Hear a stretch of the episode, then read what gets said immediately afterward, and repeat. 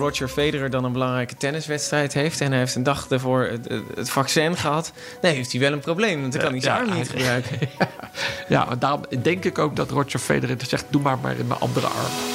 Hallo, ik ben Kees Dorrestein. En ik ben Diederik Gommers. Ja, bekend IC-arts en OMT-lid.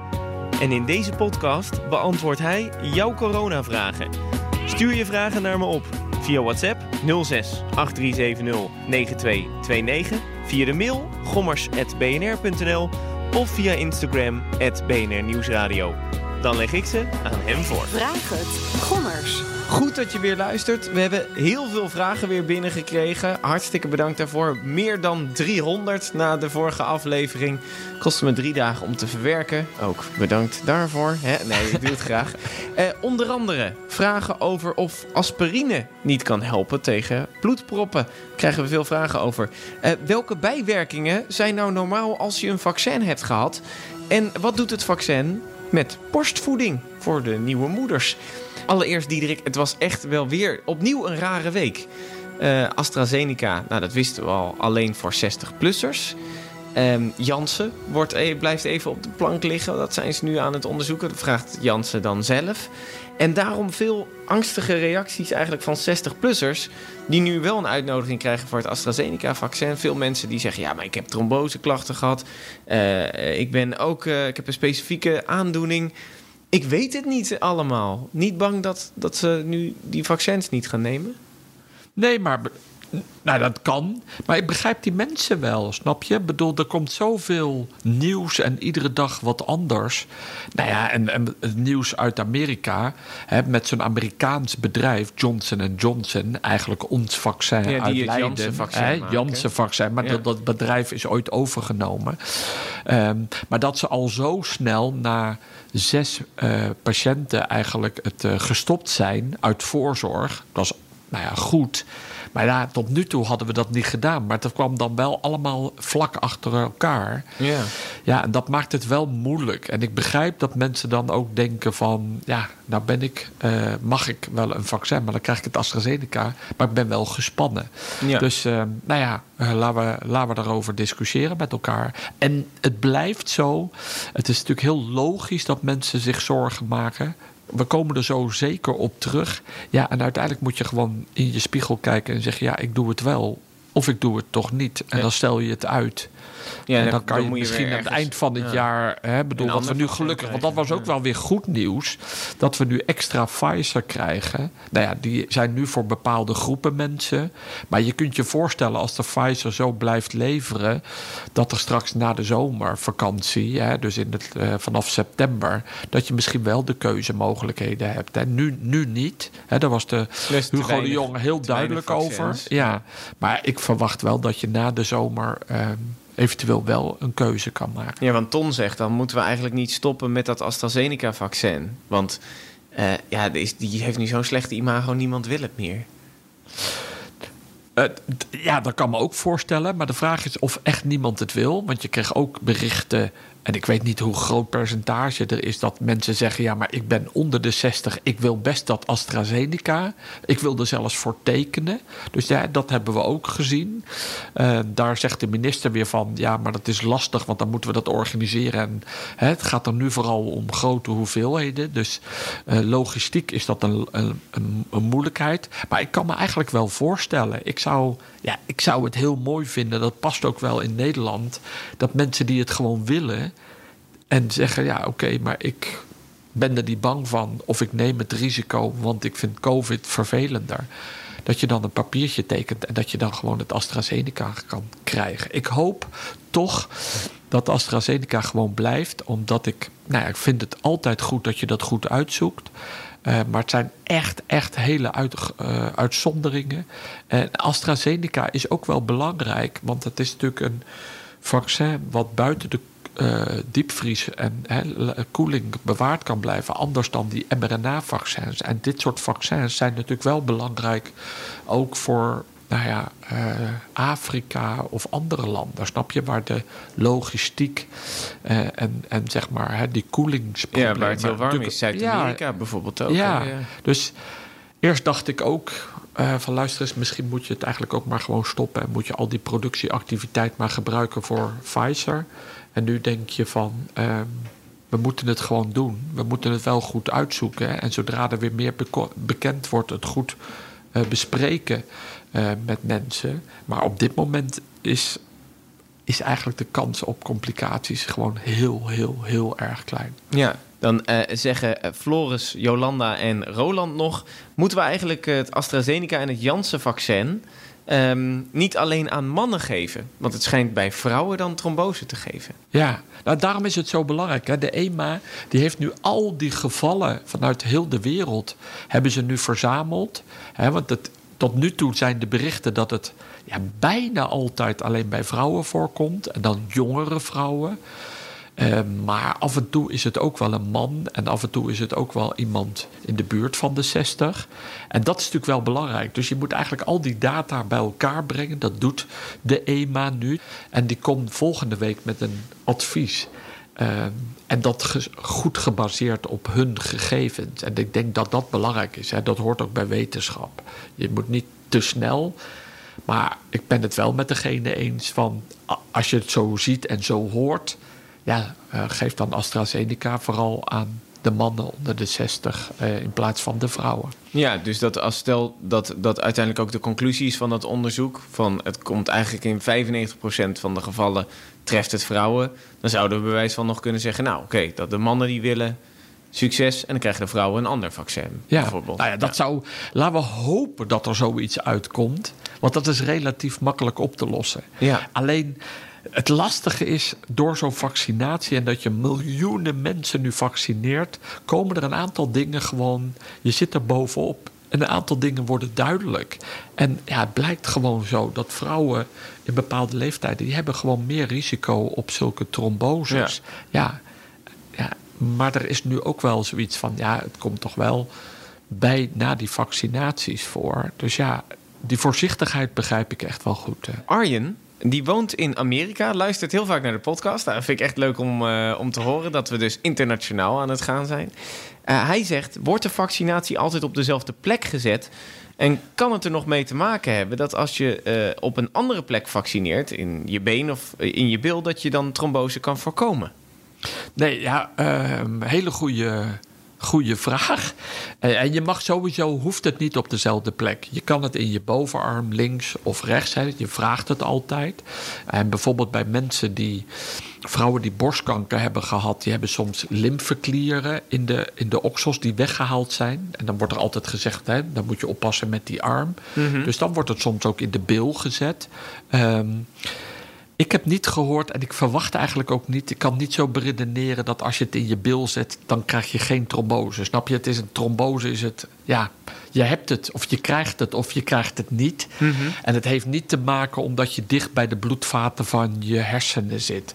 Ik verwacht dat eigenlijk niet. ehm, dat, dat, dat dat de reden is. Ehm, hè, als je nu hoort dat het bij, vooral bij jongeren vrouwen eventueel meer voorkomt, dan moet het iets in het mechanisme zijn van de afweer. en, en dat weten we ook. Jonge vrouwen kunnen heftiger reageren met hun afweer. En ik heb nog niet gehoord dat dat te maken heeft met de locatie. Nee, en dan, en dan zeggen Alex en André nog... ontstaan deze eh, verschillende problemen omdat Janssens en eh, AstraZeneca een eh, vectorvaccin zijn... en niet een mRNA-vaccin zoals Pfizer en Moderna. Ja, heel slim van ze. Eh, en wie weet zou het dat kunnen zijn. Want dat is ook het verschil. En dat zou... Ja, we zoeken nu, en daarom doe je ook dat onderzoek... of dat de reden zou kunnen Ze zijn. weten het eigenlijk nog niet waardoor het precies komt. Nee, maar hij, degene heeft we wel gelijk dat het verschil met die mRNA-vaccins, die gebruiken een vetbolletje om die genetische code in jouw cel te krijgen, geven.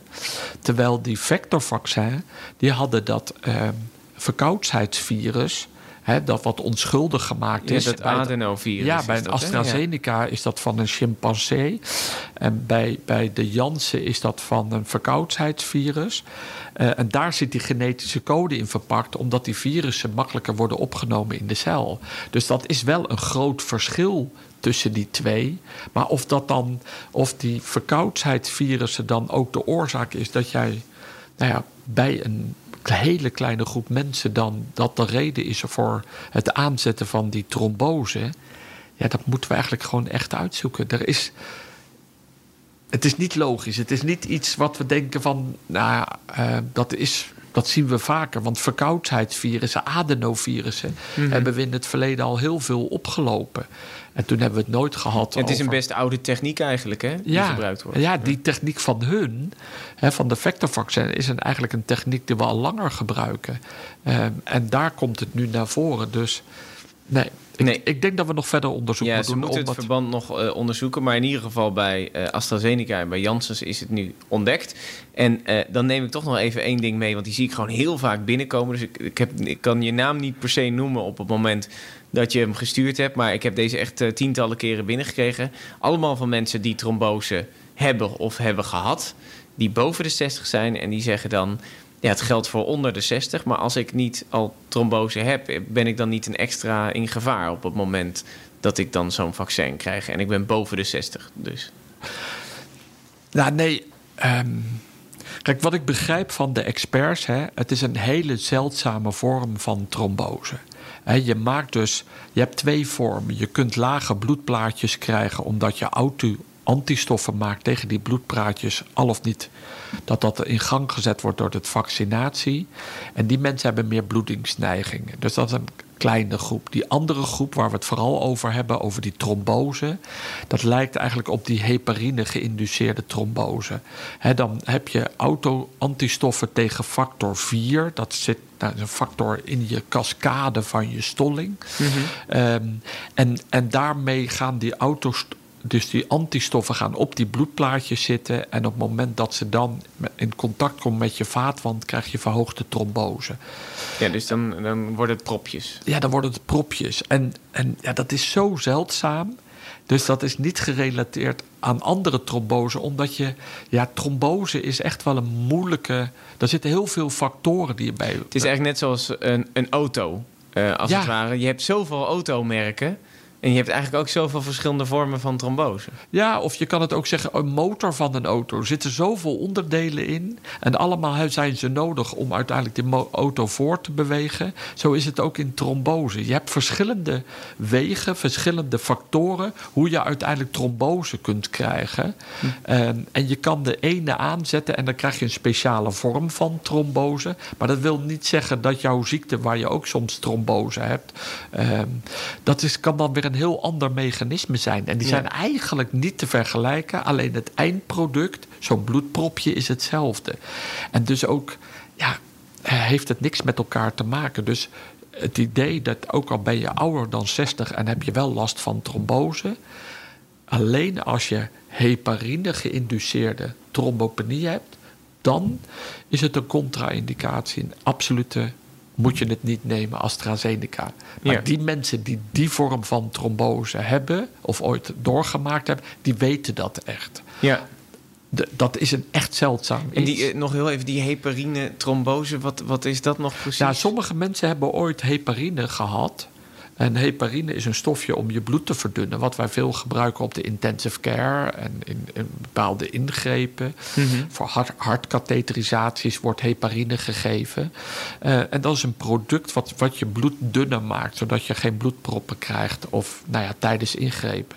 En sommige mensen kregen dan toch trombose omdat ze die antistoffen ontwikkelden. En daarom heet dat ziektebeeld heparine geïnduceerde trombopenie. Ja.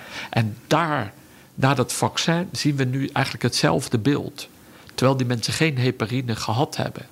Maar omdat het hetzelfde nou ja, mechanisme is in die trombose, is er nu wel gezegd, dus mensen die, waar we, die bekend zijn met die heparine geïnduceerde trombopenie, en dat heet HIT, HIT, die moeten dus geen AstraZeneca nemen. Nee, precies. Want dat kunnen En dat is de eigenlijk de enige absolute contra-indicatie. Dus het enige ziektebeeld wat, hè, met, wat met trombose bekend is, wat je, e- waarom je echt geen AstraZeneca moet nemen. Oké, dus heb je dat of heb je dat gehad? Nou, let dan op. Dan moet je het eh, niet hebben. In andere gevallen kan het dus wel, want het komt dus maar heel zeldzaam eh, bij, een, eh, bij een groep voor. Ehm, dat en we de dat meeste mensen die ook trombose hebben, die, hebben, die gebruiken bloedverdunners. Ja, Dus en, ja. en dat is eigenlijk al heel goed dan. Omdat je dan al... Ja, minder- alleen eh, eh, ook bloedverdunners werken weer heel de tijd op verschillende Ja. aspecten van de stolling. Jongens, het wordt eigenlijk best moeilijk, hè, Ja, stolling. nee, inderdaad. Ja. Maar eh, eh, wil je hier meer over weten? Luister dan ook de vorige aflevering. Want in de vorige drie afleveringen hebben we hier ook al telkens delen van behandeld. Onder andere waarom je dus niet zomaar bloedverdunners moet gaan slikken. Omdat die zo specifiek op bepaalde regionen werken. Dus luister de vorige aflevering van Vraag het Gommers eh, terug. Op het moment dat je daar meer over wil weten. Eh, want als je dan een appje naar mij stuurt, krijg je datzelfde antwoord. Luister even die aflevering terug, want die hebben we al behandeld. Dat, dat stuur ik ook gewoon als we al een vraag behandeld hebben, waar je dat dan even kan zien. Ehm, dan een, eh, een, een vraag, even iets heel anders. Eh, deze kwam heel vaak binnen. Ik noem even een paar namen, maar hij kwam vaker binnen. En van Rini, Petra, Wilma, Jo, Pieter, Ineke, Anne, Jolanda, Karen, Remco, nou, noem maar op. Die hebben allemaal een vaccin gehad. En die hebben eigenlijk op hun eigen manier allemaal een soort van klachten, eh, gewoon bijwerkingen eh, eraan eh, overgehouden. Eh, en zij vragen allemaal welke bijwerkingen zijn nou normaal en hoe lang kunnen die duren? Nou ja, je ziet, ehm, nou, daar komen veel bijwerkingen voor. Ehm, en de, me- de, de, degene die het meeste voorkomt, is gewoon pijn op de plek waar het ingespoten is. Hè? Ik bedoel, pijnlijke arm, bovenarm. spierpijn. Ja, het doet gewoon zeer. En zeker als je erop duwt. Ehm, nou, andere eh, klacht die er is, is moeheid. Andere mensen hebben hoofdpijn of spierpijn. Pijn in de gewrichten. Rillingen. Misselijkheid en overgeven. Maar het wordt iedere keer steeds minder. Ehm, hè, dus pijn op de plek komt bij 90% van de mensen voor, kwam uit de studie. Maar bijvoorbeeld moeheid 70%, eh, hoofdpijn 65%. Maar belangrijk is, is dat die klachten eigenlijk snel weer afnemen. En je hoorde ook wel dat sommige mensen, nou de meeste mensen zijn eigenlijk na een nachtje goed slapen, zijn ze van hun klachten af. Maar pijn in je bovenarm duurt wel meestal een paar dagen. Maar sommige mensen hebben echt wel griepachtige klachten en liggen nou, soms drie dagen, vier dagen in bed. Nou, best heftig. Hè, er zijn echt mensen die na een vaccinatie eh, ook niet kunnen werken. Maar dat is wel een kleine uitzondering. En eigenlijk moet het iedere dag een beetje beter met je gaan. Ja, dus als het erger wordt, moet je misschien even de huisarts bellen. Ja, dat zou ik wel doen. En zeker hè, nu met het verhaal van AstraZeneca, als je dat dan gehad hebt, je ziet dat die klachten van die trombose, die gebeurt vooral tussen de derde, vierde dag en de zestiende dag na het vaccinatie. Eh, dus als je het in die periode hoofdpijn krijgt, ja, dan heb je misschien heel veel pech dat je dus een trombose kan hebben in je hersenen, hè, die Ja. sinustrombose. Dus dan moet je al heel snel even naar de Ja, dokter. als je dat Ja. voelt en je vertrouwt het niet, moet je echt snel je huisarts bellen. Hè? Want die schade is dan hè, gemaakt. De, je, je, je hersenen krijgen dan al of niet geen zuurstof. Dus daar, daar moet zo snel mogelijk bloedverdunning in. Ja. Dus dan moet je ook zo snel mogelijk naar het ziekenhuis. Precies. Nou, dat, dat sowieso is, eh, eh, is handig om in de gaten te houden. Ehm, en dan kreeg ik ook nog eh, een paar vragen ertussen, eigenlijk een beetje van dezelfde strekking. Kunnen de klachten bij de tweede prik erger worden? Ja, ik wou dat ik hem heel makkelijker kon beantwoorden. Maar wat je, wat je merkt is dat meeste mensen hebben meer klachten als ze al COVID hebben gehad. En dan krijgen ze meer krachten na de eerste prik.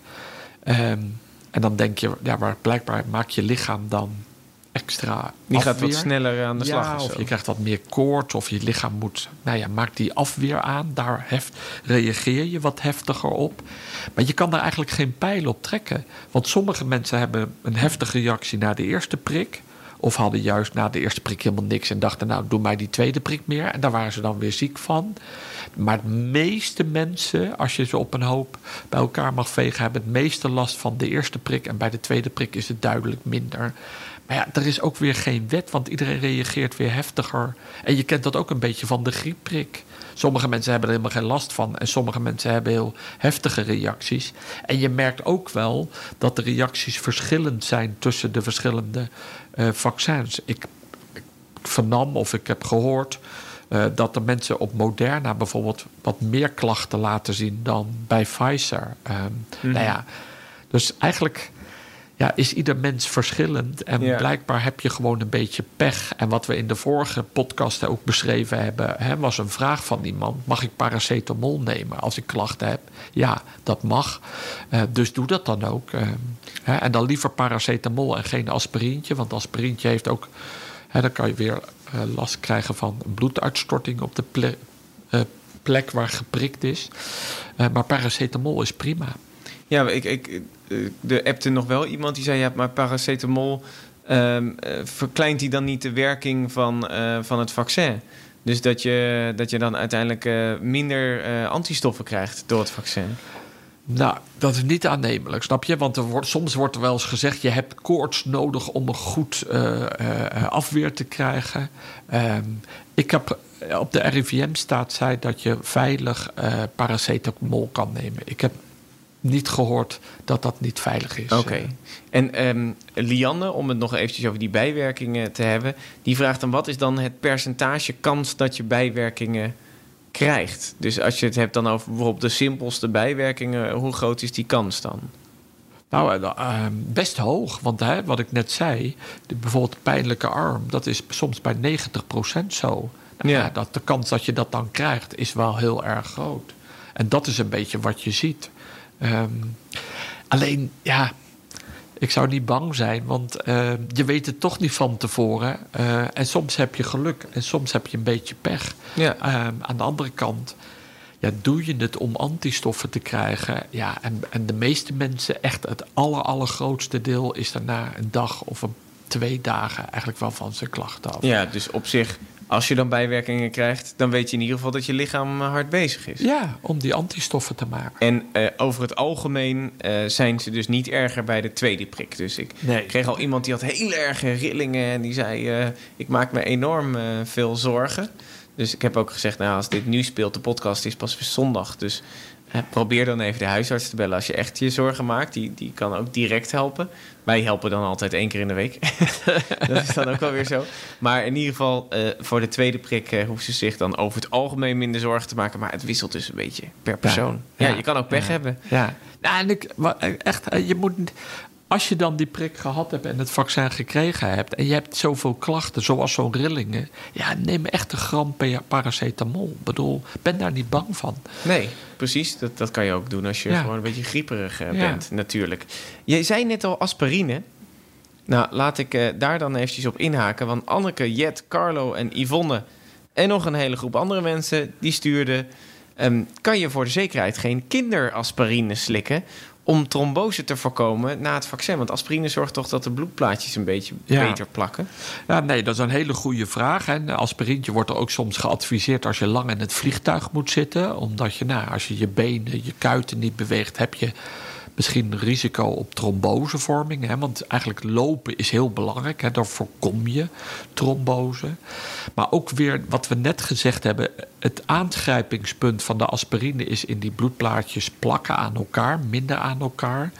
Maar Is het dan minder of beter aan elkaar? Nee, ze plakken minder aan elkaar. Oh, oké, En minder, daar- En, ja. daardoor heb je minder bloedpropvorming. Ah, oké. Ehm, maar wat we net zeiden, die, het mechanisme wat we denken wat gebeurt na het AstraZeneca, is een ander mechanisme. En dat voorkomt het aspirintje niet. Dus je bloed is wel dunner.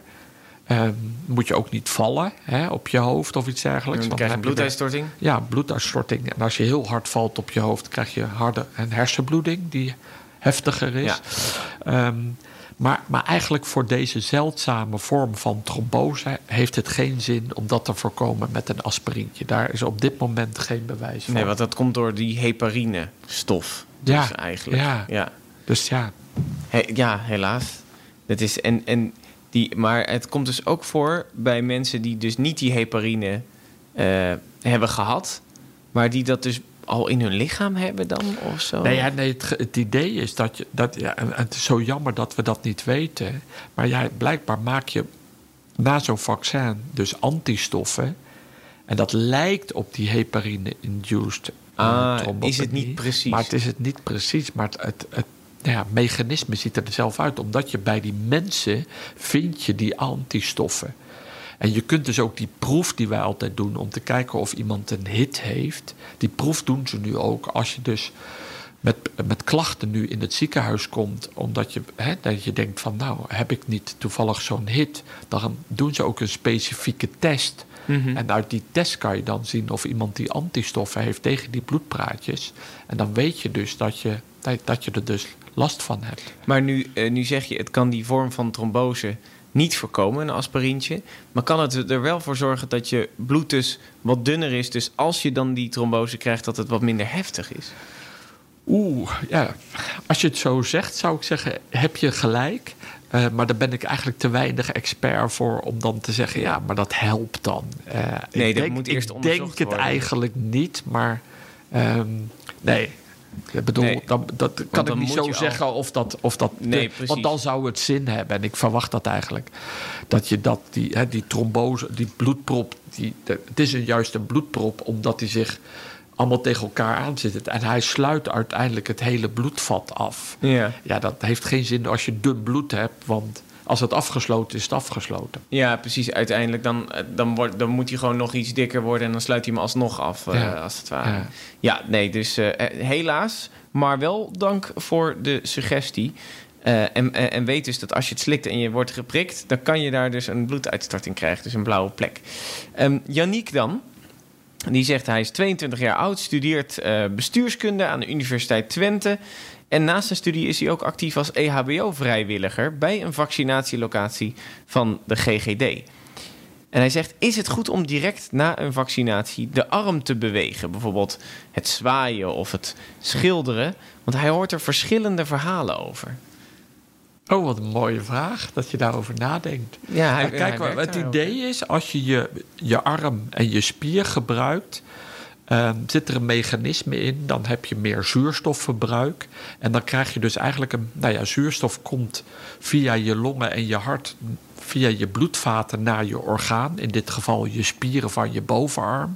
En dan krijg je dus een betere doorbloeding. En een betere doorbloeding ehm, ehm, nou ja, betekent dat er meer van dat stofje in je bloed terechtkomt. Ja, in dit geval, die vaccin moet in die spier en in die cellen worden opgenomen, of in cellen worden opgenomen. Ik heb niet gehoord, eh, maar ik heb het ook niet opgezocht.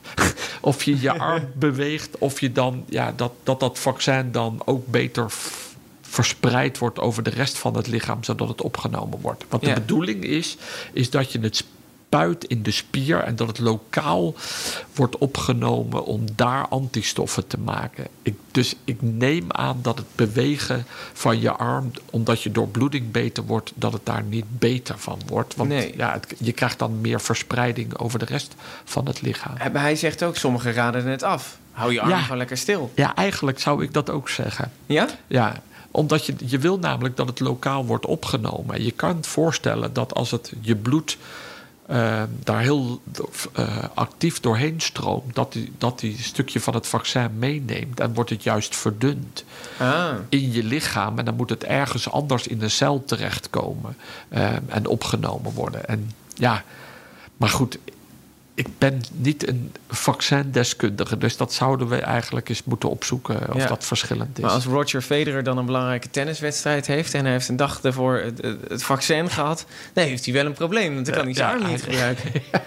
Ja, maar daarom denk ik ook dat Roger Federer zegt: doe maar maar in mijn andere arm. Ja. Ja. ik heb ook gevraagd of ze het links doen, want ik ben rechts. Dus als je dan een pijnlijke arm hebt, ja, die linkerarm Nee, gebruik ik veel minder. Ja, dat, dat- En dus Federer moet zeggen: ik weet niet of Federer links of rechts is, maar dan zou ik zeggen: doe je andere arm. ja, het is wel lastig omdat heel veel proftennissers die hebben gewoon een dubbelhandige backhand natuurlijk. Oh, ja. ja, dat schiet ook weer ja. in zijn bil dan maar. ja. Dat zou ik dan weer Ja, vinden. bij deze, dat kan dan ook nog. En dan niet heel erg je bil gaan zitten bewegen. Dus niet twerken. Dat, dat moet je dan weer niet doen, denk ik dan. Dat is het. Dat, dat ken jij misschien niet, maar dat is schudden met je kont. Dus dat, dat Oh, Oké, ja. Ja, dat weer wat geleerd. is een generatiedingetje. Ik leer jou ook af en toe wat. En dan hele slechte informatie waar je helemaal niks aan hebt, eh, wat dat betreft. Ehm, Tom, die zegt... Ik zit me af te vragen, eh, met betrekking tot eh, spermabanken... als mannen gevaccineerd zijn, kan dat invloed hebben op de kwaliteit van de zwemmers? Nee, er zijn helemaal geen aanwijzingen toe. Dat, hebben ze dan, dat, dat onderzoeken ze dan in diermodellen. Hè. Dus elk medicijn wat je op de markt brengt moet getest worden.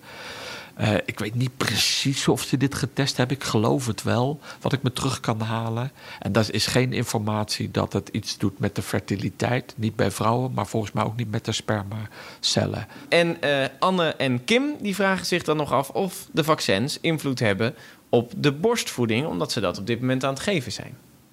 Nou, kijk, als je het vaccin neemt als moeder en je maakt dus antistoffen, is het wel bekend dat die antistoffen komen in de moedermelk. Ehm, en dus als je het dan geeft aan je kind, krijgt je kind ook die antistoffen. En dat is ook goed, hè? want zeker kinderen die. Nou, dat doen we ook met andere vaccinaties. En je krijgt een beetje in de eerste dagen de afweer mee van je moeder via die moedermelk. En daarom zeggen ze ook vaak wel dat borstvoeding beter is dan melkvoeding. Al ben ik geen expert. Nee. Hang me niet op. Precies, deze discussie gaan we niet voeren, want ik weet dat dit een Want hele pittige discussie is. heel veel mensen en vrouwen over die dan zeggen ja, maar en dit en dat. Dus, maar het is wel zo dat je antistoffen door kunt geven aan je kind via je moedermelk. En mij lijkt dat goed. Al zeg ik er gelijk bij, er is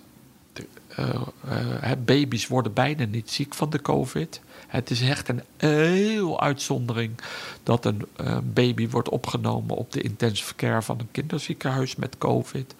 Dus ja, maar het- misschien is dat ook wel omdat er heel veel borstvoeding gegeven wordt. Dus Ja. het, het lijkt mij dat het wel goed is. Ja, maar ik weet niet, nog niet of er al heel veel moeders die nu borstvoeding geven een vaccin hebben gehad. Misschien als ze bijvoorbeeld in het ziekenhuis werken of. eh, ja, of nou, dat was de groep. Hè? Dus de mensen Ja. die eh, hoog risico waren omdat ze andere ziekten hadden en ook zwanger waren. Mhm. Eh, en mensen die in de zorg werkten en dus risico hadden op COVID. Daar werd ook gezegd, neem alsjeblieft het vaccin. Ja, nou precies. Dat, nou, dat kan dus juist heel positief zijn. Ja, Dat is, dat is hartstikke mooi. En ook voor moeders die gewoon flesvoeding geven en geen borstvoeding. Deze podcast is ook voor jullie.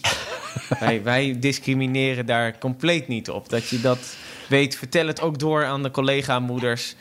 Ga gewoon naar Spotify of de BNR-app of iTunes... en wijs iedereen op de Vraag het Gommers podcast. Ook op het nummer. Want je kan gewoon een vraag doorappen 0683709229. Dat is gewoon mijn nummer. Dus dan krijg je een berichtje van mij. Ik ben Kees. Hè? En ehm, je kan ook mailen naar gommers.bnr.nl. En abonneren kan je leren. Als je daar dan op klikt, krijg je gewoon een melding gratis op je telefoon. hey, de podcast is er weer. Dus dan hoef je het niet elke week te zoeken. Eh, en dan vind je dat hartstikke snel. En nog even een tip. Wil je nou weten wanneer je gevaccineerd wordt? Ja, dat is nou eenmaal een vraag die eh Diederik en ik lastig kunnen beantwoorden.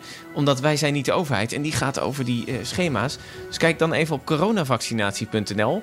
Dat is de enige site waarvan ik weet dat je met een vragenlijst kan invullen wanneer je toevallig aan de beurt bent. Want die vragen krijgen wij dus ook heel vaak eh, binnen. oké.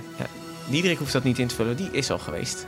En ik ben gewoon helemaal aan het einde. Ik wacht wel totdat iedereen is geweest en dan neem ik er wel één. Want van mij mag iedereen voorrang hebben op mezelf. Diederik, tot de volgende keer. Ja, tot volgende week. Veel vragen. We hebben er echt, eh, ik denk wel 15 doorheen gewerkt of zo. Oh, wat goed, wat goed. Wat verdikkie, ik moet Ja. je salarisverhoging geven. Nee. je krijgt helemaal geen, we krijgen helemaal niks betaald voor deze podcast. Nou, leuk. Tot de volgende.